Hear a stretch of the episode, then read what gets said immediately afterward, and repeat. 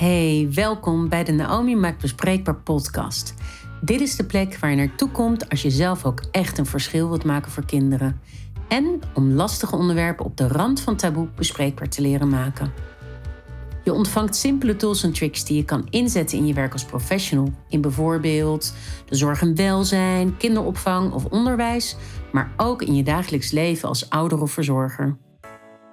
Ik ben Naomi Dessauer en mijn missie is een wereld waarin alle kinderen gezond en veilig kunnen opgroeien. Waarin ze ook echt alle kansen krijgen zich te ontwikkelen, kinderen kind kunnen zijn, een stem hebben, zich geliefd maar ook gesteund voelen. En wil je misschien meer weten? Nou, neem dan gerust eens een kijkje als ouder op naomimaakbespreekbaar.nl en als professional op dessauertrainingen.nl. Voor nu wens ik je ontzettend veel luisterplezier.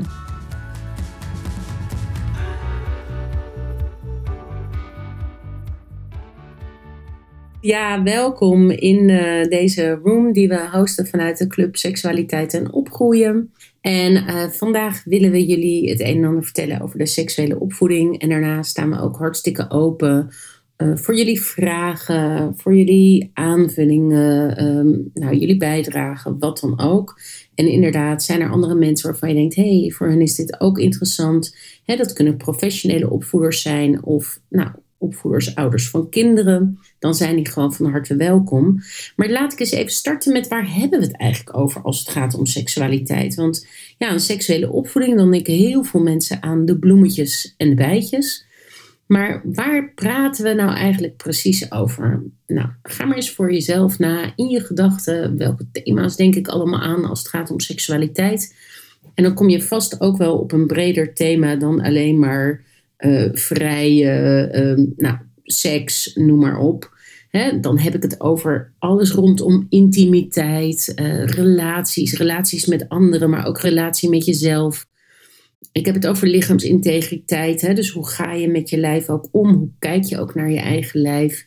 Hoe zeker ben je over je lijf? Ik heb het over zelfverzekerdheid. ik heb het ook over weerbaarheid. Seksuele weerbaarheid noem ik het ook wel. Uh, ik heb het ook over respect, wederzijds respect, grenzen is ook een hele belangrijke. En seks, maar seks is maar een onderdeel ervan.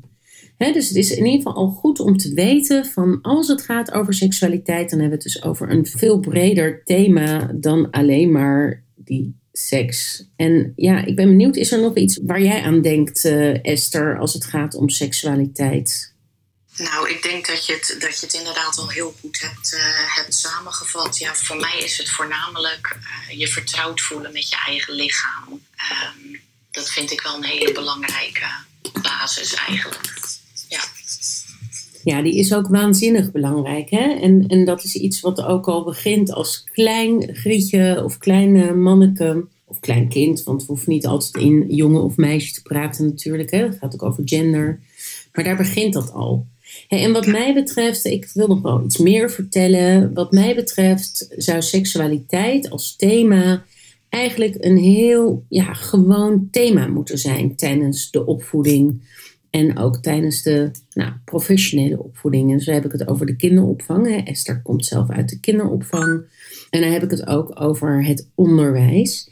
En ja, het zou eigenlijk als een soort rode draad in het, door het leven moeten lopen, wat mij betreft.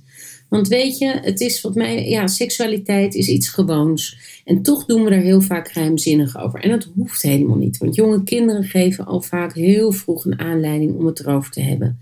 ze wijzen naar papa en het lijf van papa, of de piemel van papa, of naar de borsten van de juf. En ze vragen: wat is dat? Of ze zeggen er iets over. Ze zitten aan hun eigen lijf. Ze kijken naar andere lijven. kinderen worden uh, ja, nieuwsgierig geboren. En ja, wij zijn degene met schaamte, wij als volwassenen en niet de kinderen. Dus laten we die nieuwsgierigheid die kinderen hebben koesteren, in plaats van ja, die wegzetten. Want zo kunnen we de kinderen ook de gelegenheid geven om van jongs af aan ja, echt vertrouwd te raken met hun eigen lijf. Ja, dat is denk ik meteen al een, uh, een valkuil inderdaad die je benoemt, uh, Naomi. Dat, dat er vaak vanuit ons perspectief al wordt gekeken naar bepaald gedrag van kinderen. Omdat wij als volwassenen um, nou, linken bepaald gedrag aan seksuele handelingen Maar voor een kind, ja, die is er helemaal niet mee bezig. En dat kan soms dus voor een ehm, reactie vanuit jou als de volwassene zorgen, uh, die helemaal niet passend is bij ja, de fase waarin het kind zit of de, het, het gevoel wat het kind op dat moment heeft. Ja, dat, dat klopt helemaal wat je daar zegt. En sterker nog, kinderen worden geboren als seksuele wezens. Zelfs in de buik zijn kinderen als seksuele wezens. Er zijn echo's met jongetjes met een stijf piemoetje bijvoorbeeld. Alleen zodra het gaat over kinderen en seksualiteit, dan krijgen wij als volwassenen, ik ook hoor, dan krijgen we allemaal een soort van kortsluiting. Alsof die twee niet met elkaar matchen. Maar kinderen zijn wel als seksuele wezens, maar het is niet zo dat zij dat al koppelen aan het thema seksualiteit. Voor hun is hun lijf, hun geslacht delen, is gewoon heel normaal dat ze dat hebben. Het is heel normaal dat ze het uh, een lekker gevoel vinden geven als ze hun piemel of vagina aanraken of hun billen. Net als dat het lekker is als er over je arm gestrild wordt, bijvoorbeeld. en dat leren kinderen door te doen en te ervaren. Net als dat ze alles leren door te doen en ervaren. En, en als praten over dat onderwerp voor jonge kinderen eigenlijk geen taboe is, dan zul je zien dat kinderen ook vaker later, als ze ergens mee zitten of als ze vragen hebben, dat ze ook sneller naar je toe komen. En het is natuurlijk niet zo dat dat voor alle kinderen geldt. Helaas zijn er ook kinderen die dat toch niet doen. En ik streef heel erg naar een seksueel weerbare generatie kinderen. En toch heb ik ook altijd de behoefte om iets te vertellen over dat ook als je weerbaar bent, kun je nog steeds helaas slachtoffer worden van zoiets als seksueel grensoverschrijdend gedrag.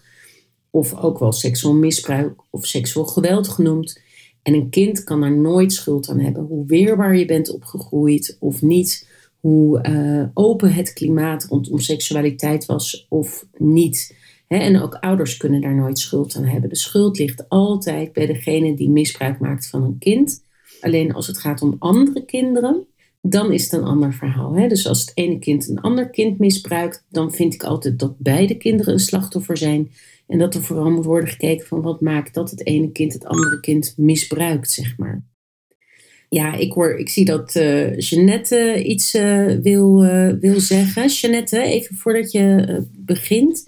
Ik ben dit stukje als een soort test aan het opnemen voor een podcast. Uh, nou heb ik jou geïnterviewd voor een podcast. En strakjes ga ik meer mensen uitnodigen. En dan ga ik ook helemaal dat niet meer opnemen. Maar stel dat je erop komt met jouw opmerking. Ja, als je dat niet erg vindt, laat het, ja, dan is het helemaal oké.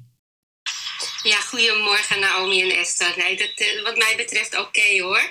Uh, ja, en ik zit op de fiets. Ik moet zo ook weg, want ik, uh, ik ga naar de, de kapper. Dan moet ik hem uitzetten. Maar goed, in ieder geval. Ik wilde heel even reageren, Naomi, op uh, de schuldvraag. Nou ja, zoals jij ook weet, ik begeleid jongvolwassenen en volwassenen die in hun kindertijd slachtoffer zijn geweest van seksueel misbruik. En wat ik eigenlijk bijna altijd in het proces tegenkom. Hè, natuurlijk de schuld en de verantwoordelijkheid moet terug waar die hoort, naar de dader. En tegelijkertijd merk ik altijd dat mensen, en dat is heel vaak verborgen, en het is ook vanuit loyaliteit dat mensen dat niet zo snel zullen uiten, maar er is altijd ook bijna altijd boosheid naar de ouders.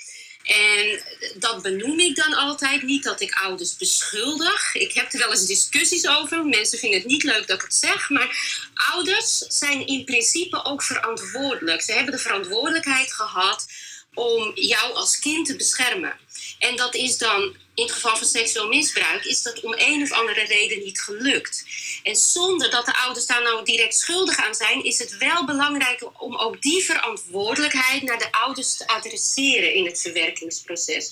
En nogmaals, niet om ze te beschuldigen, maar juist ook om die schuld van het kind af te halen. Want die schuld is zo taai. En ik merk dat dit, de ouders daarin betrekken, dat kan ook intern werk zijn, maar een heel belangrijk uh, aspect van het verwerkingsproces. Dus dat wilde ik graag even aanvullen. Ja, dat is natuurlijk een hele waardevolle aanvulling. En ook vanuit jouw uh, kennis en expertise. Dus uh, Jeannette, heel erg bedankt daarvoor. En geniet ook eventjes enorm van de verwennerij om weer naar de kapper te kunnen. Dat is natuurlijk ook heerlijk. Ja, dankjewel Naomi. Nou, helemaal goed. Nou, ik ga gewoon nog eventjes doorvertellen. En uh, ja, weet dan voor nu, voor de mensen die er nu zijn, als je nu iets wilt toevoegen, dan kan het zijn dat je in mijn podcast komt. Naomi maakt bespreekbaar podcast. Maar later komt er sowieso een QA-gedeelte waarvan ik denk dat ik dat niet op de podcast uh, terug laat komen. Dus het is een soort test, dit eigenlijk, voor het eerst.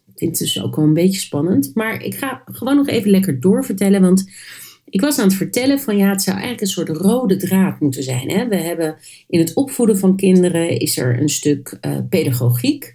En ook ouders geven kinderen een pedagogische opvoeding. Dus dan kijken ze naar wat heeft een kind nodig, welke behoefte heeft een kind. En als ouder probeer je daar op goede wijze mee om te gaan. En het kind eigenlijk te geven wat het nodig heeft in het leven om gezond en veilig groot te groeien. Dat is in ieder geval waarvan we hopen dat de ouders dat kunnen bieden. En, um, ja, en seksualiteit zou daarvan als een rode draad ook binnen moeten vallen. Want weet je, seksualiteit zou aan de orde mogen zijn als een kind geboren wordt. Uh, en vanaf dat moment kun je, wat mij betreft, ook het gesprek aangaan. En dan kan ik me voorstellen dat je denkt: ja, hallo Naomi, het gesprek aangaan met een pasgeboren baby, hoe zie je dat voor je? Ja, dat kan ik me heel erg voorstellen als dat een van je gedachten is. Maar dat zie ik zo voor me dat je al met een pasgeboren baby, ik hoop tenminste dat je als ouder met je kinderen hebt gesproken of nog spreekt of, of gaat spreken als je nog geen moeder bent of vader. En misschien word je dat ook wel nooit, hè? dat kan ook, dat je nu luistert als professionele opvoeder. Maar het is in ieder geval heel fijn als kinderen opgroeien met pratende ouders om zich heen of pratende opvoeders. dus als ik even naar, naar uh, mijzelf kijk, ik ben ook moeder van twee meiden van vijf en zeven. En ja, toen zij geboren werd, zei ik alles wat ik deed. Dus als ik ze aan het verschonen was, dan zei ik van nou, ik maak even je vagina schoon, want er zit wat poep uh, omheen. En zo benoemde ik eigenlijk ook al de geslachtsdelen. En um, bijvoorbeeld in de badkamer hadden we het ook over, ja, je kijkt nu naar mijn borsten, dat zijn mijn borsten. Bijvoorbeeld, dat zijn dingen die ik al meteen benoemde. En mijn man eigenlijk ook. En naast dat we dus met onze kinderen daarover spraken, maar dat is nog heel erg zenden. Met een baby kan je nog niet, uh, of een van kan je nog niet echt een gelijkwaardig gesprek voeren natuurlijk. Maar wat we ook deden is dat mijn man en ik het er samen over hebben gehad. Hè. We hebben de mazzel dat we samen opvoeder zijn. Er zijn natuurlijk ook genoeg mensen die alleen opvoeden. Nou, altijd hulde aan de alleen opvoedende ouder. Ik heb altijd zoveel respect voor, voor jullie. Maar mijn man en ik die hadden eigenlijk al vanaf dat we wisten dat we een meisje kregen, dat we als eerste van een dochter ouders zouden worden, hebben we al gesproken over hoe vinden we het eigenlijk om een dochter te krijgen. En spraken we ook over hoe gaan we om met bloot in de badkamer. En hoe gaan we ermee om als we bloot in bed liggen bijvoorbeeld. Als we bloot slapen en er komt een kind bij. Hoe kijken we daarnaar? Welke benamingen geven we de, de uh, geslachtsdelen bijvoorbeeld? En nou ja, eigenlijk al dat soort dingen. Dat we daar gewoon, en dan, je kan me niet zien, maar ik maak even die aanhalingstekens, gewoon het daarover kunnen hebben. Ja, want voor mij is bespreekbaarheid nou eigenlijk de sleutel in alles, maar ook zeker bij een seksuele opvoeding is uh, voor mij echt de sleutel tot succes de bespreekbaarheid. Met je partner, met elkaar, met je vrienden bijvoorbeeld ook het gesprek met jezelf. Ik heb bijvoorbeeld ook met mijn man het erover gehad van ja, hoe ben jij eigenlijk opgevoed met het thema seksualiteit? Het kan natuurlijk dat de een daar heel anders in opgevoed is dan de ander. En dat de een of de ander daar ook een belemmering in heeft. Ik bedoel, het kan ook zijn dat je zelf bijvoorbeeld een negatieve seksuele ervaring meeneemt. Hè, hoe is dat om op te voeden als je zelf die ervaring meebrengt? Ja, en er zijn heel veel mensen. Ja, Esther, jij wil iets zeggen. Vertel. Ik was ondertussen even iemand naar boven aan het halen. Maar um, even denken hoor, wat wilde ik zeggen? nou, ik herken inderdaad wat je zegt. Um, of dat vraag ik me af, dat het niet voor iedereen. Ja, jij hebt daar een podcast over gemaakt, dus ik weet er dan iets meer van. Maar dat het voor sommigen niet zo eenvoudig is om daarover te praten. Hè. Die kunnen zich er ongemakkelijk bij voelen.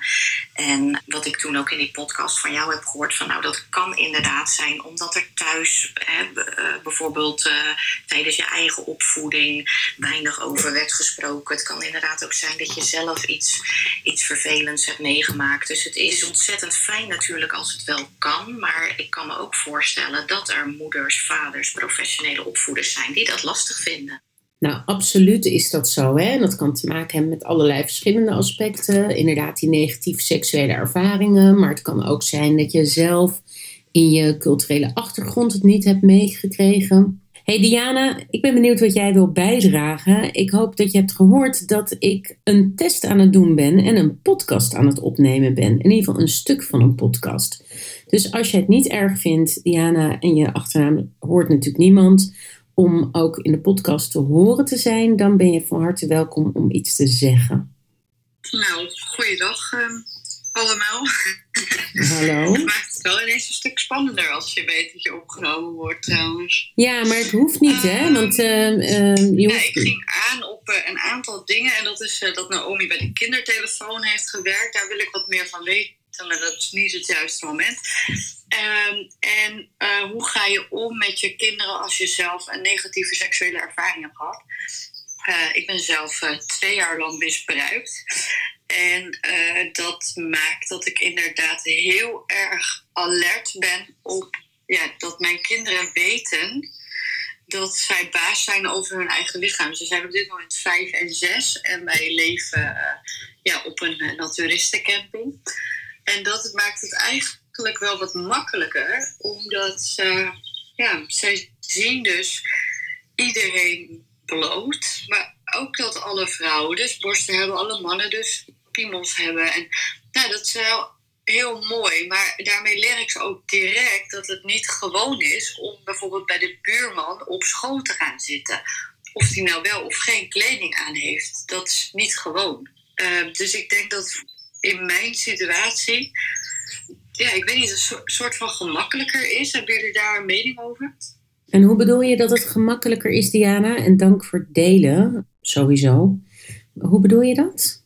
Nou, omdat, uh, omdat ik zelf dat stukje niet heb geleerd, weet ik heel goed wat ik wel me wilde meegeven aan mijn kinderen. Dus zeker dat ze baas zijn over hun eigen lichaam. Nou, ik vind het heel lastig om natuurlijk een beetje te vertellen, maar um, dat ze uh, geen geheimen hoeven te hebben. Ik weet niet, dat maakt het voor mij makkelijk, want ik weet juist wat ik heel erg heb gemist. En wat je net net zei over dat het een soort van schuld van de ouders is. En dat er geen schuldige in dit verhaal. Dus laten we dat. Maar daar ben ik het zeker mee eens. Want het, ik zoek de liefde bij een ander.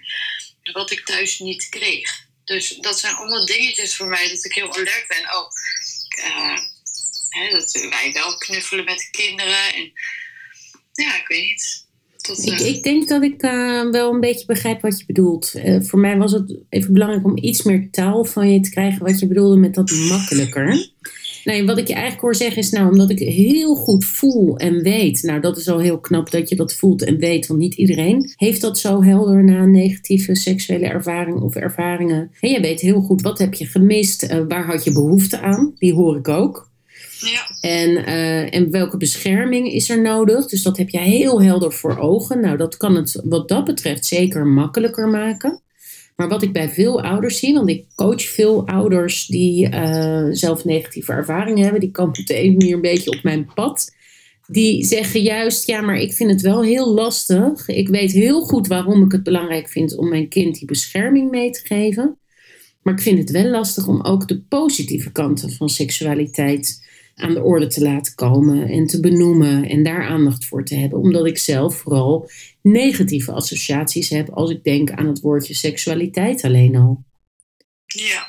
Ik weet niet of je dat herkent. Um, nou, ik weet pas sinds een half jaar dat je ook um, uh, intimiteit kan ervaren in plaats van uh, seks hebben voor een ander. Dus voor mij is dat sowieso een uh, openbaring in het leven. En daarmee kan ik dus nu wel die lessen aan mijn kinderen geven. Dat je bijvoorbeeld, wat, wat ik heel erg um, ja, heb meegekregen, is dat knuffelen, dat, dat, dat leidt standaard tot, uh, tot, tot uh, gemeenschap, zeg maar.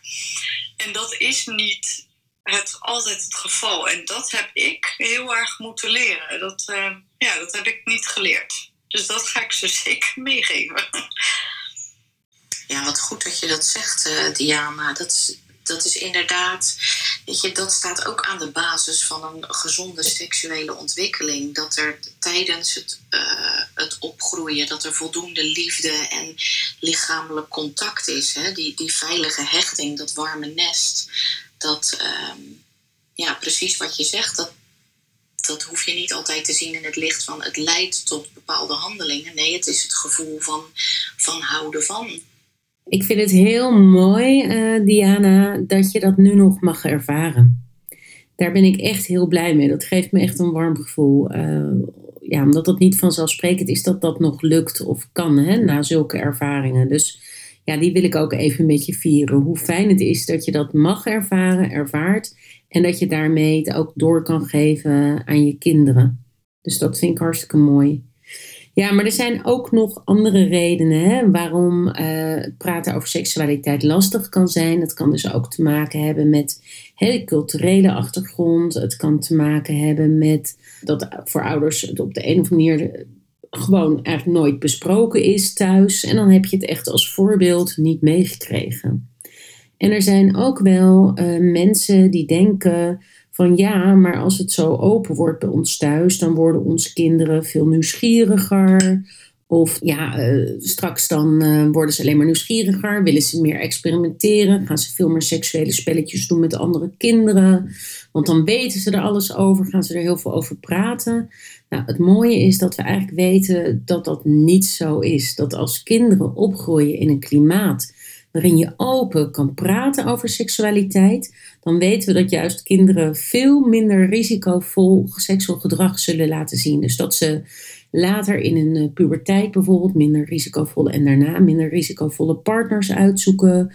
Dat ze minder vaak een SOA krijgen, dat ze minder vaak tienerzwangerschappen uh, veroorzaken of uh, krijgen.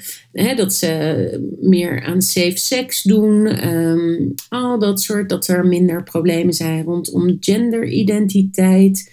Dus ja, eigenlijk kan je wat dat betreft niet zo snel uh, te veel vertellen. En weten we dat praten over seksualiteit, er is dus ook echt onderzoek naar gedaan, dat we weten dat het juist gewoon een heel gunstig effect heeft. Hè? En um, nou, dat vind ik ook wel heel belangrijk. En Sabine, ik zie dat jij op het podium bent gekomen. Ik ga het gewoon weer zeggen. Deze nemen we op als een test voor een podcast. Dus het kan zijn dat je deze als podcast terug kan horen. Dus als je nu iets gaat delen met ons, uh, is het belangrijk dat je dat weet. Volgens mij had je het al gehoord, maar ik zeg het toch nog even voor de zekerheid. Sabine, vertel. Hoi, goedemorgen. Ja, je zei het eerst, toen dacht ik, oeh, wil ik nu wel naar boven, zeg maar, voor die podcast. Maar uh, uiteindelijk dacht ik, nou weet je, dat uh, is verder prima. Dus, het is je stem, hè? Ik zeg niet je achternaam of hoe mensen je nee. terug kunnen vinden. Dus, maar je, nou ja, je hebt erover nagedacht en je hebt toch, ben je op het podium gekomen. En daar wil ik je alvast nu voor bedanken. Vertel, wat wil je met ons delen? Nou ja, wat ik ook merk, ik ben dan moeder uh, van twee jongens van 8 en 11 jaar. En dat het ook nog, uh, wat ik heel erg merk, uh, ook wel kindafhankelijk is, zeg maar. Van hoe het kind zelf is, ja, heb ik gemerkt. Want ik doe in principe de, het, hetzelfde bij beide. Ik ben dus ook wel ontzettend open. Maar ik heb bijvoorbeeld wel gemerkt bij mijn uh, oudste, die was daar altijd wel wat, wat rustiger in en die zei er niet zoveel uh, over. En als hij wel eens wat te vragen had, dan deed hij dat wel. Maar toen kwam mijn jongste, zeg maar, ja, dat is zeg maar een ontzettend open kind en, en alles, nou ja, gooit hij eruit. Dus toen dacht ik ook even van, oh, oké, op deze manier kan het ook. Maar daar ga je dan wel weer op een andere manier mee om, heb ik, uh, ik zelf zeg maar in de gaten. Dus wat, wat bij het kind past, zeg maar. Ik ben wel zeg maar naar beide hetzelfde open. En ik, ik ja, benoem ook alles, ik zeg ook alles. En, en, dat krijg ik ook weer terug. Dat merk ik ook uh, aan beide kinderen. Vooral bij mijn oudste nu, die dus nu 11 is, die eigenlijk nooit uh, wat zei. Of, of, en wel observeerde, maar niet zo benoemde. En ik merk nu. komen ontzettend bij hem de vragen, zeg maar. Hij heeft nu ook vorige week had hij seksuele ontwikkeling op school, krijgen ze nu mee. En um, ja, nu merk ik zeg maar, dat hij daarin heel erg uh, loskomt. Dus ik heb wel altijd die veilige basis gegeven. Dat het, dat het mag, dat het kan. En, uh, ja, en nu zie ik bij hem dat het uh, zeg maar tot uiting komt. Ja, en bij mijn jongste eigenlijk meteen al dat hij bewust van was dat hij een, een piemel had, zeg maar. werd dat al duidelijk gedeeld en gedaan. Dus ja, bij hem ging ik er weer op een andere manier mee om, zeg maar. Als, als kind, dat hij kleiner was. maar ik geef ze wel beide hetzelfde mee, zeg maar. Dus ja, dat is ook weer een andere kant wat ik ervan zie. Ja, wat mooi. Wat mooi om te horen dat je zo'n open klimaat gewoon nastreeft. Want dat hoor ik je heel erg zeggen. En dat je eigenlijk ook kijkt naar je kinderen van... ja, de een heeft erin een andere behoefte dan de ander. En ik hoor daar ook je heel respectvol over. Want dat is natuurlijk ook heel belangrijk. Hè? De een inderdaad vindt het makkelijker om het erover te hebben. De ander heeft van nature toch iets meer afwachtend of kat uit de boom kijkerig. Of zo van ik zoek het zelf uit, je hoeft me allemaal niet te vertellen. Hè? Want dat zijn, ja, we, we leven gewoon in een wereld met allemaal verschillende mensen. En ook uit je buik kunnen gewoon verschillende mensen komen met verschillende behoeften. Zo bijzonder. En heb je daar misschien nog een vraag over? Of iets waarvan je denkt, oh, daar zou ik wel iets meer over willen weten. Of daar ben ik benieuwd naar. Of misschien een check van heb ik dat toen goed aangepakt? Waarschijnlijk wel hoor, maar uh, misschien kan ik iets aanvullen. Of wilde je het vooral gewoon delen, hoe jij het doet? Ja, nee, ik wil het toch vooral delen ja, dat, het ook, dat het verschillend is per kind. Meer dat, zeg maar, dat dat ook uh, ja, afhankelijk is, zeg maar. Dat, uh, ja, wilde ik nog meegeven dat er ook niet een bepaalde richtlijn voor is. Nee, en dat je ook gewoon puur moet kijken ja, naar je kind. Van wat, wat heeft hij nodig? Dus, uh, en heb jij dan nog misschien een toptip voor ouders die een kind hebben die wat minder open erover is? Wat is dan jouw toptip voor die ene ouder die daar ook mee worstelt? Of niet ook, hè, want jij worstelt er eigenlijk niet zo mee, maar die daar misschien wel mee worstelt? Ik krijg er gewoon dus zoveel voor terug. Dus dat ik er dus ontzettend open in ben. Ja, ja, dat herken ik ook bij mijn oudste van 11 nu. Ja, die begint zich nu ook te ontwikkelen. En uh, ja, dan vraag ik ook, wat heb je nodig? Of, of weet je wel, of, met een deeltje. Of met, uh, ja, weet je. En uh, hij, hij, vertelt het ook gewoon open. Ja, dus, um, en dan laat ik verder wel bij hem van wat hij ervan wil zeggen of, of niet. Of, uh, ja, maar dat, dat, dat krijg je ook weer terug. Ja, dus daar is hij ook open. En ook over vriendinnetjes inderdaad. Dat niemand wist het verder, maar mama wist het wel, zeg maar. Ja. En dat voelde ja. blijkbaar veilig om het te, te zeggen. En, en dat liet ik verder bij hem. En als hij erover wilde praten, dan, dan kwam hij ermee. En ja, zo. Ja, zulke grote cadeautjes die jullie dan terugkrijgen van jullie kinderen. Hè, in beide gevallen. En Esther zegt, ja, ik ben er eigenlijk ook wel trots op. Nou, terecht ben je daar trots op. Hè? En jullie hebben echt, je geeft je kind, ik bedoel, je geeft je kind echt een beschermjas mee voor de rest van zijn of haar leven. Dus het is echt van levensbelang dat je, dat je dit zo meegeeft. En ik moest nog even denken, want ik ben een tijdje geleden geïnterviewd voor iemand anders podcast met Verna Jalink. En Verna die heeft uh, Fan Talks en zij heeft een heel lief pakketje uh, ontwikkeld met een bewaarzakje. Ik lees het voor hoor, met biologische afbreekbare menstruatieproducten voor in de school of sporttas. Dat is een period pocket.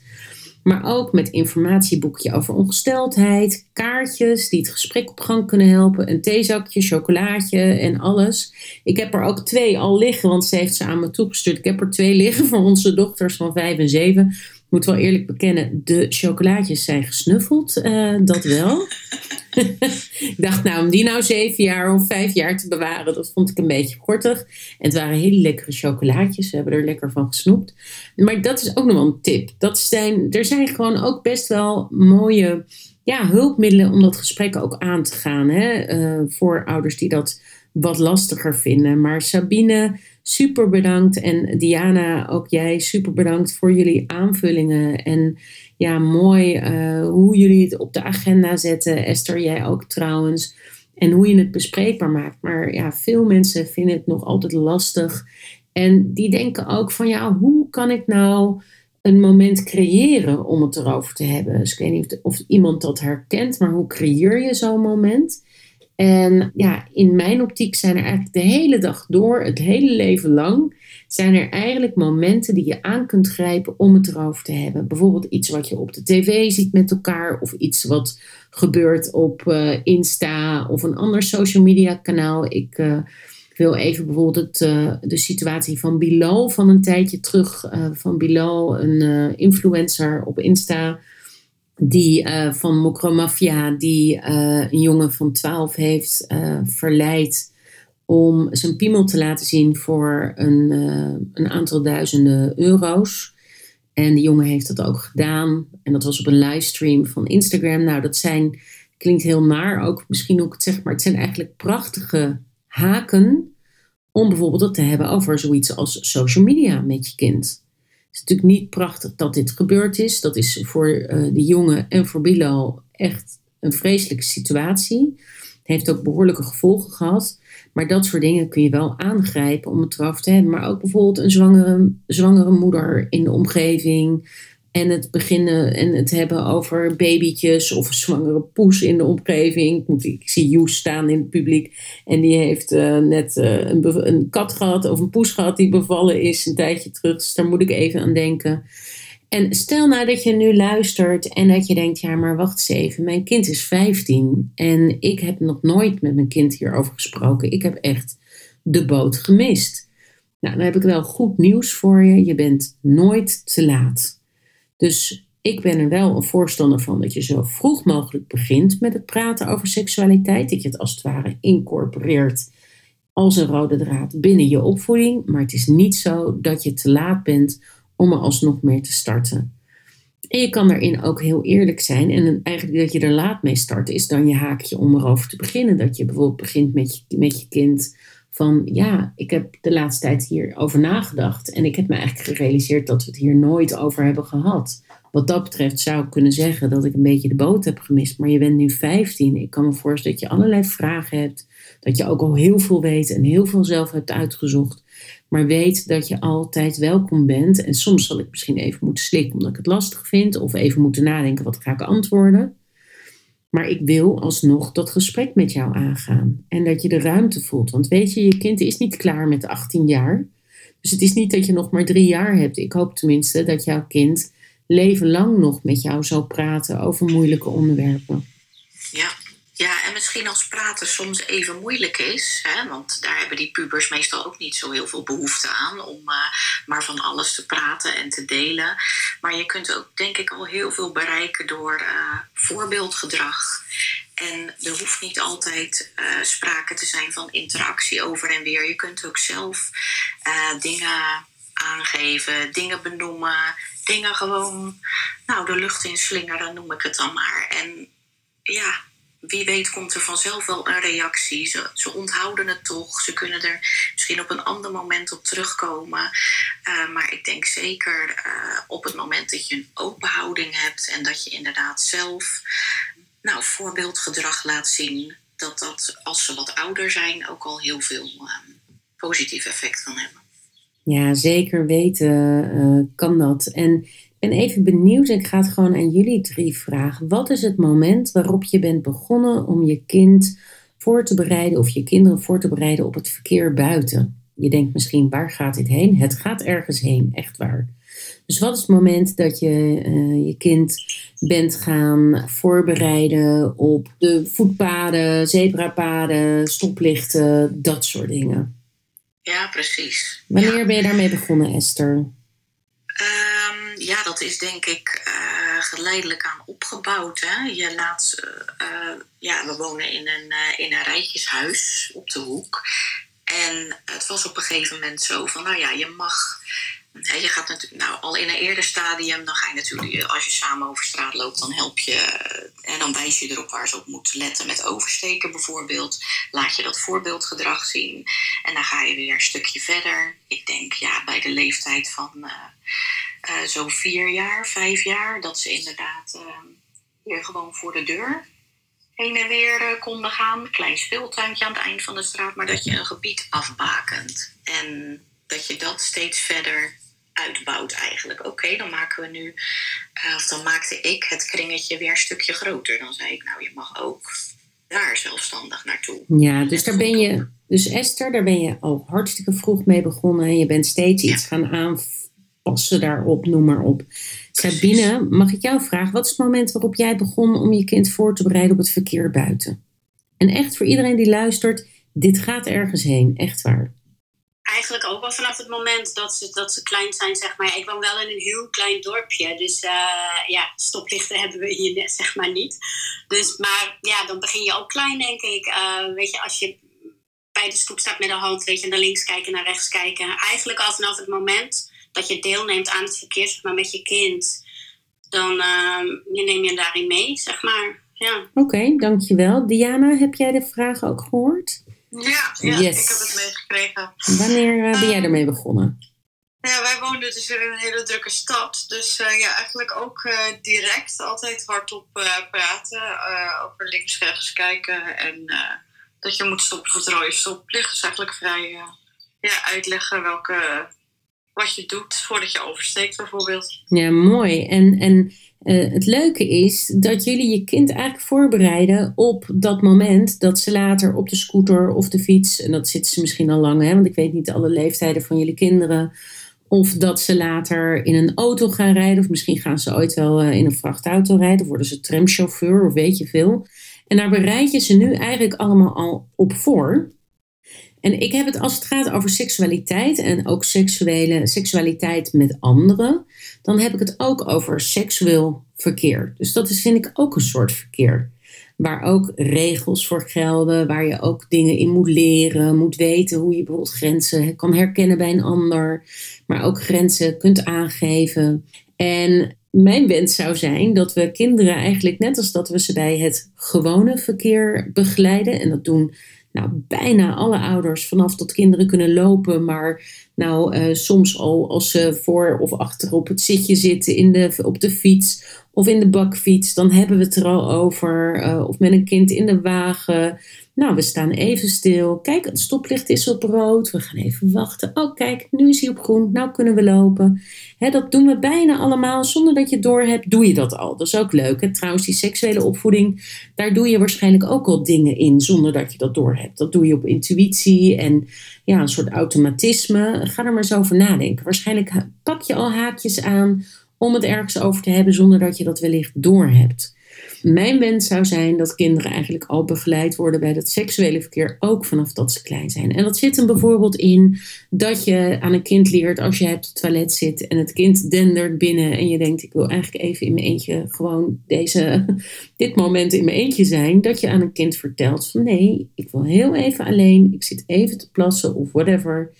En zometeen kom ik bij je. En dat je bijvoorbeeld daarmee leer je je kind al dat jij een grens aangeeft en dat het daar nog maar luisteren, naar mag luisteren en moet luisteren zelfs. En een stapje daarbij is dat je zegt, want als jij alleen op de wc wil zitten of even alleen wil zijn, dan luister ik ook naar jou en mag jij ook even alleen zijn. Dat lijkt iets heel kleins, maar daarin geef je je kind, als je dat eigenlijk standaard op dit soort momenten blijft benoemen, als het gaat over grenzen, als het gaat over toestemming, dan geef je je kind een waanzinnige levensles mee voor de rest van zijn of haar leven. Als het gaat om grenzen herkennen, grenzen aangeven, uh, toestemming, al dat soort dingen. Ja, ook weer herkenbaar inderdaad. Ik kan me nog herinneren, mijn kinderen zijn altijd heel erg kroelerig geweest met elkaar. Altijd heel close met elkaar, nog steeds hoor. Maar het fysieke, ja, daar moet mijn dochter de laatste tijd, uh, daar kan ze niet meer zoveel van hebben. Dat slaat ze af, dan, dan, dan weert ze hem af. Zo van, nou, uh, het is nou wel weer genoeg geweest. En uh, mijn zoon heeft daar best wel moeite mee. Die heeft zoiets van, nou, weet je, altijd gedaan. En mijn zusje, en gezellig en lief. En daar hebben we ook heel vaak gesprekken over. Zo van, nee, op het moment dat, dat iemand aangeeft van, nou, nu even niet dan is het ook klaar. Dan ga je even wat anders doen en dan kan het op een ander moment misschien weer wel. Maar het gesprek aangaan over ja, het respecteren van iemands uh, grenzen, dat, uh, ja, dat kan op, op, heel veel, uh, op heel veel manieren, op heel veel momenten. Waanzinnige levensles die je daar aan je zoon meegeeft, Esther. Echt, echt van, van immens belang. Want dat maakt dat jouw zoon, als hij straks 17 is en in de kroeg staat en denkt: Ik vind het meisje leuk en ik wil er zoenen. En hij dacht dat ze dat misschien ook wel leuk vond en hij uh, wil haar zoenen. Want dat gaat ooit een keer gebeuren, Esther. Sorry, maar dat gaat een keer gebeuren. Nou, dat gebeurt al. Kijk. Maar exact, exact. Dan heeft hij geleerd: nee is nee. Nee is nee, inderdaad. En en het is ook mooi als je dan bijvoorbeeld ook een keer, hè, de ene keer zeg je alleen maar van hé, hey, luister eens naar, naar je zus, die wil dit niet. Hè, dan moet je daar naar luisteren. Heb je ook gecheckt of ze het wil? En dat je ook eens met hem praat van ja, hoe is dat eigenlijk voor je dat ze dat niet wil? Dus dat hij ook leert omgaan met het thema teleurstelling, wat eraan vastzit. Ik weet nog dat mijn dochter en ik samen naar de wc gingen. Uh, toen was ze 2,5, dus ja, dan ga je heel vaak samen naar de wc. Uh, vast ook herkenbaar voor uh, degene die ouders zijn. En misschien heb je nog zelfs herinneringen dat je als kind ook vaak op de wc was bij je ouders, wellicht. Als je nog hele vroege herinneringen hebt. Maar ik weet nog heel goed dat ik zat op de, uh, natuurlijk op de grote mensenwc.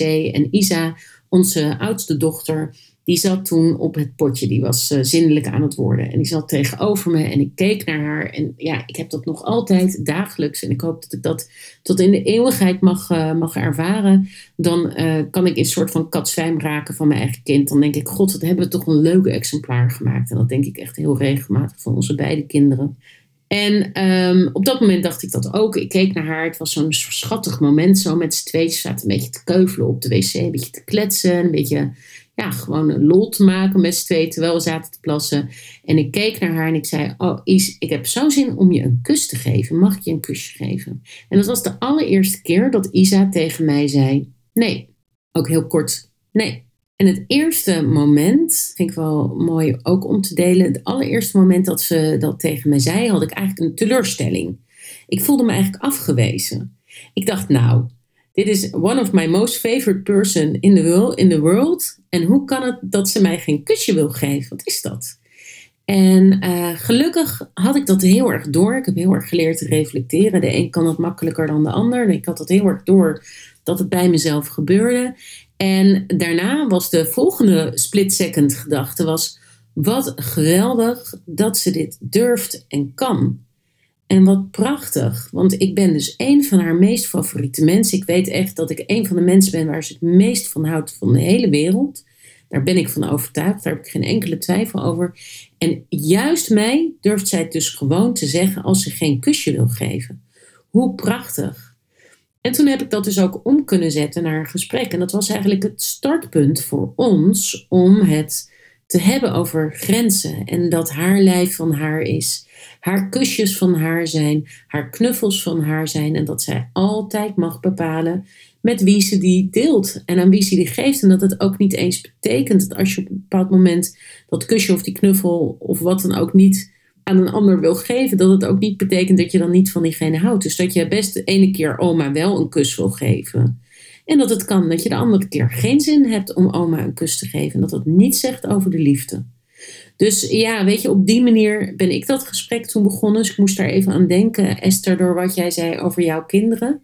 En bijvoorbeeld nu hebben onze meiden ook, de ene keer wil de een de andere kus geven en de andere keer de andere knuffel. Ja, prachtig om het daar ook over te hebben, maar ook over die teleurstelling. Want dat is ook iets waar we mee om moeten gaan in het leven.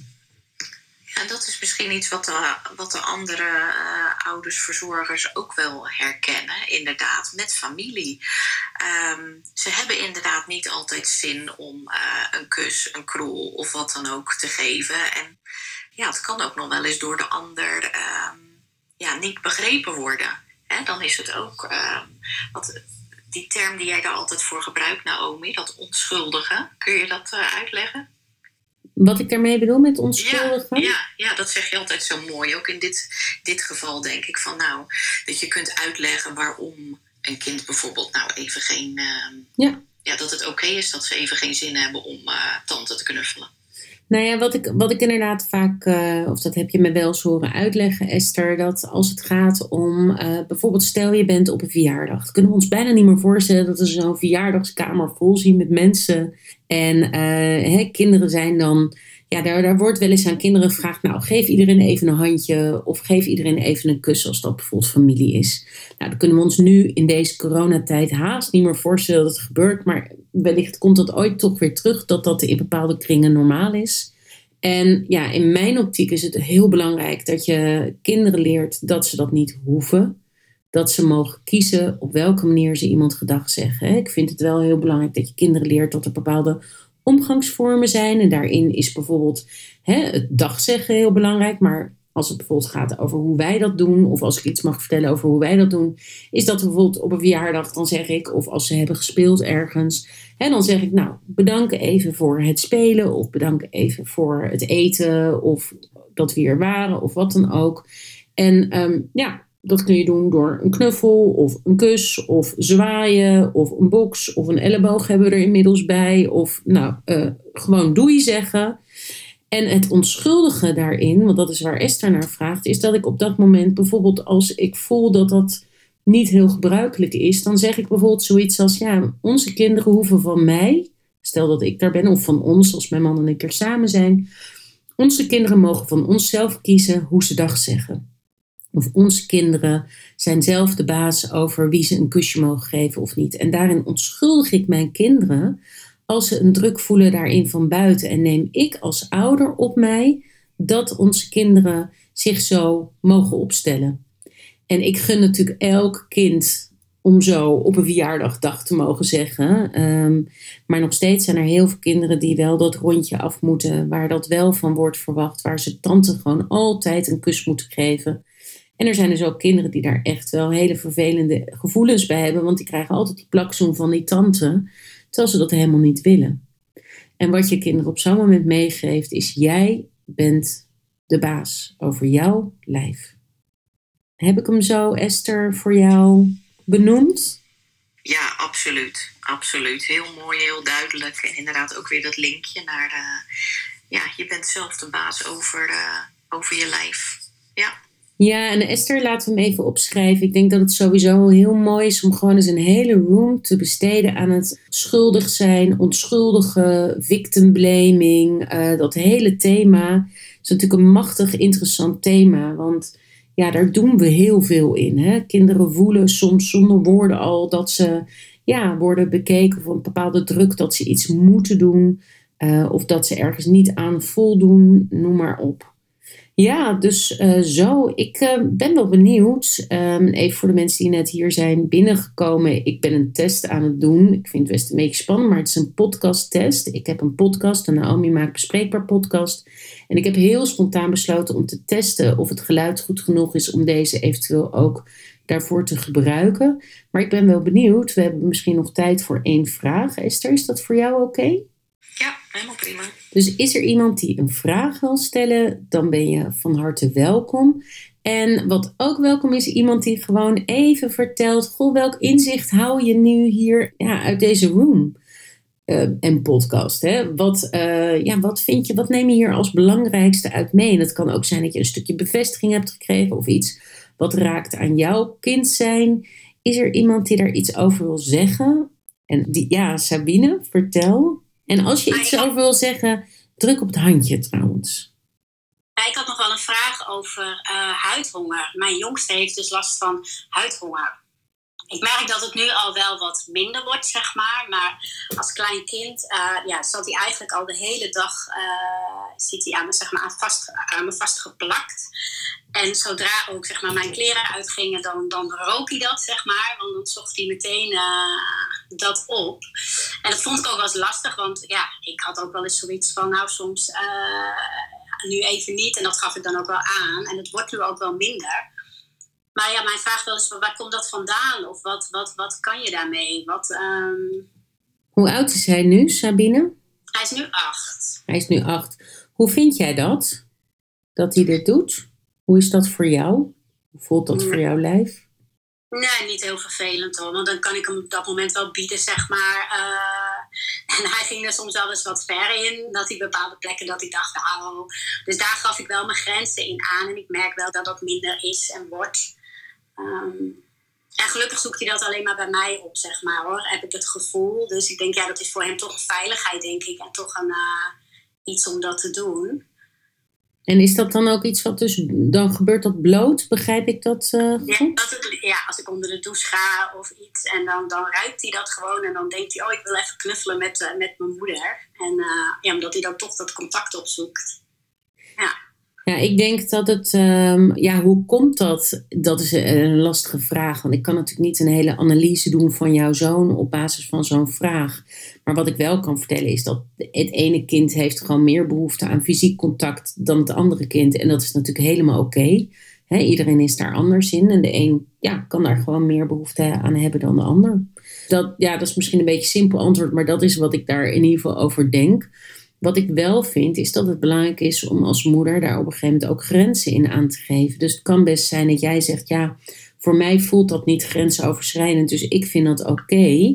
Op een gegeven moment wordt hij gewoon daar te oud voor. En kan daar ook, uh, kan aanraking ook bepaalde uh, opwinding uh, bijvoorbeeld opleveren bij hem. Hè? Hij kan bijvoorbeeld op een gegeven moment een keer een stijf piemel krijgen, omdat dat gebeurt misschien nu al omdat hij jou op een bepaald moment ergens aanraakt of een bepaald gevoel krijgt. En ja, ik zou zeggen, ga daar op een gegeven moment wel grenzen in aangeven. En stel bijvoorbeeld de grens dat bloot, dat jullie dat niet meer bloot doen. Op een gegeven moment wordt het, eh, ja, is het ook niet meer passend bij zijn seksuele ontwikkeling. En uh, ja, die zijn ook ongelijkwaardig. Jij bent ook een groot mens, een groot lijf. Je bent wel zijn moeder, maar hij is toch jouw kind. Ja, nou ik merk de verandering nu wel ook, ook hoor. Nu die ouder wordt, dat het wel anders... Uh, maar ik zat wel op een gegeven moment op het punt dat ik dacht van... Hmm, en toch ging dat vanzelf wel over hoor. En werd het ook al minder. Dus ik denk dat hij dat zelf ook wel heel goed aanvoelde. Dus um, ja, maar ik heb wel eens momenten gedacht dat ik ook, ja, dat hij ouder werd. Dat, uh, dat ik dacht, ja, nu komt er wel een verschuiving in, zeg maar. Ja. Ja, en ik denk dat het prachtig is om het daar juist met hem ook over te hebben en dat bespreekbaar te maken. En, uh, nou en het ook te hebben over hoe dat voor hem is, dat je die grens stelt en dat het niks zegt over hoeveel je van hem houdt. Hè? Dat je nog steeds evenveel van hem houdt en het nog steeds heerlijk vindt om met hem te knuffelen.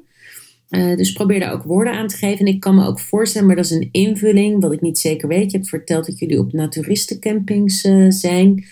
Uh, Diana. Oh nee, was Diana. Ik uh, hou jullie door elkaar. Sorry, ik uh, hou jullie door elkaar. Nee, nou dan uh, mag je die skippen. Dan vergis ik me daarin eventjes.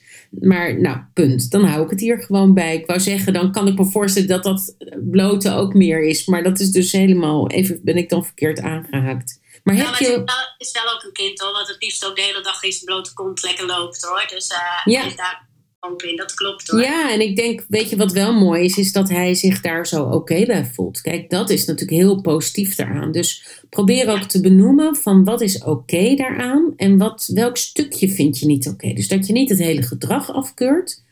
Hè? Want Nee. dat hij daar behoefte aan heeft is oké. Dat hij dat lekker vindt is oké. Dat hij knuffelig is is oké. Maar je bent wel zijn moeder. Hè? Het is eigenlijk niet zo passend bij zijn ontwikkeling. Nou, dat soort dingen. Ja, mooi. Heb je wat aan dit antwoord? Zeker. Nou, en dank voor je vraag. En Sabine, dan ben ik ook even benieuwd, want dit was onze eerste keer dat we vanuit deze club Seksualiteit en Opgroeien deze room zo hebben gedaan. Wat vond je daarvan? Ja, mooi. Heel open, heel eh, veilig. Het voelde ja, fijn om even erover te kletsen. Absoluut. Nou, mooi zo. hey Esther, wat zeg je ervan? Zullen we de room gewoon lekker afsluiten? Ja, dat, eh, dat lijkt me goed. Eh, natuurlijk niet voordat we iedereen hebben geattendeerd op het feit dat ze op het groene huisje kunnen klikken en de club kunnen volgen. Want de volgende keer dat we met elkaar hierover gaan praten, dan eh, is iedereen natuurlijk weer van harte welkom. Dus doe dat vooral. Maar ja, het, eh, het smaakt wel naar meer.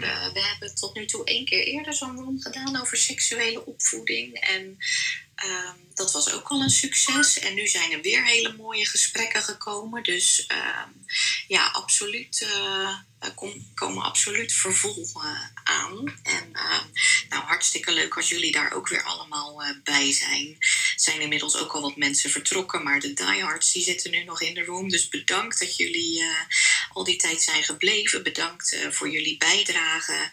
Eh, ga ons volgen, ga de club volgen. En dan eh, nou, kunnen we nog meer van deze eh, mooie onderwerpen met elkaar bespreken.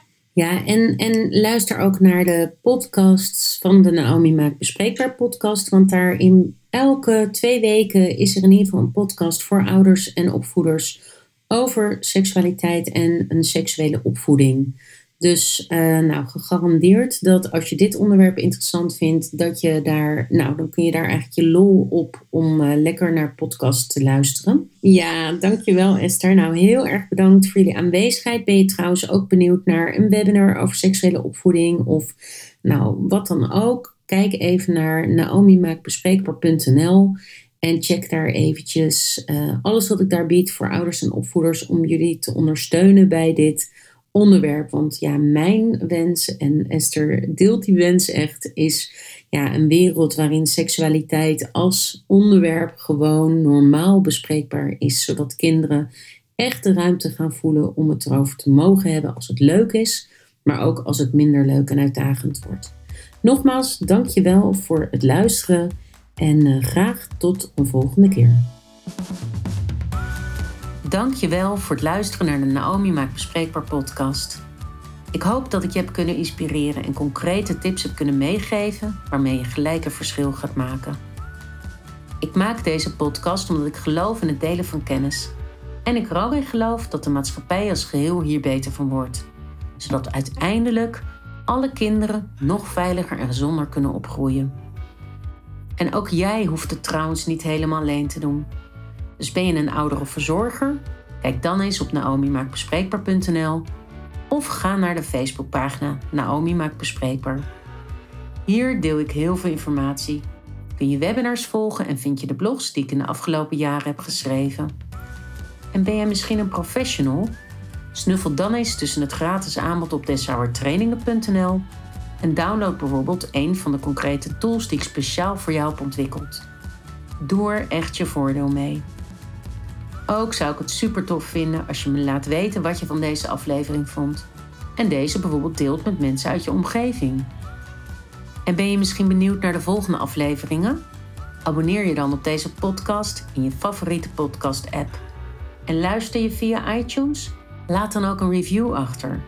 Zo maken we lastige onderwerpen nog meer bespreekbaar en kunnen andere mensen mij beter vinden.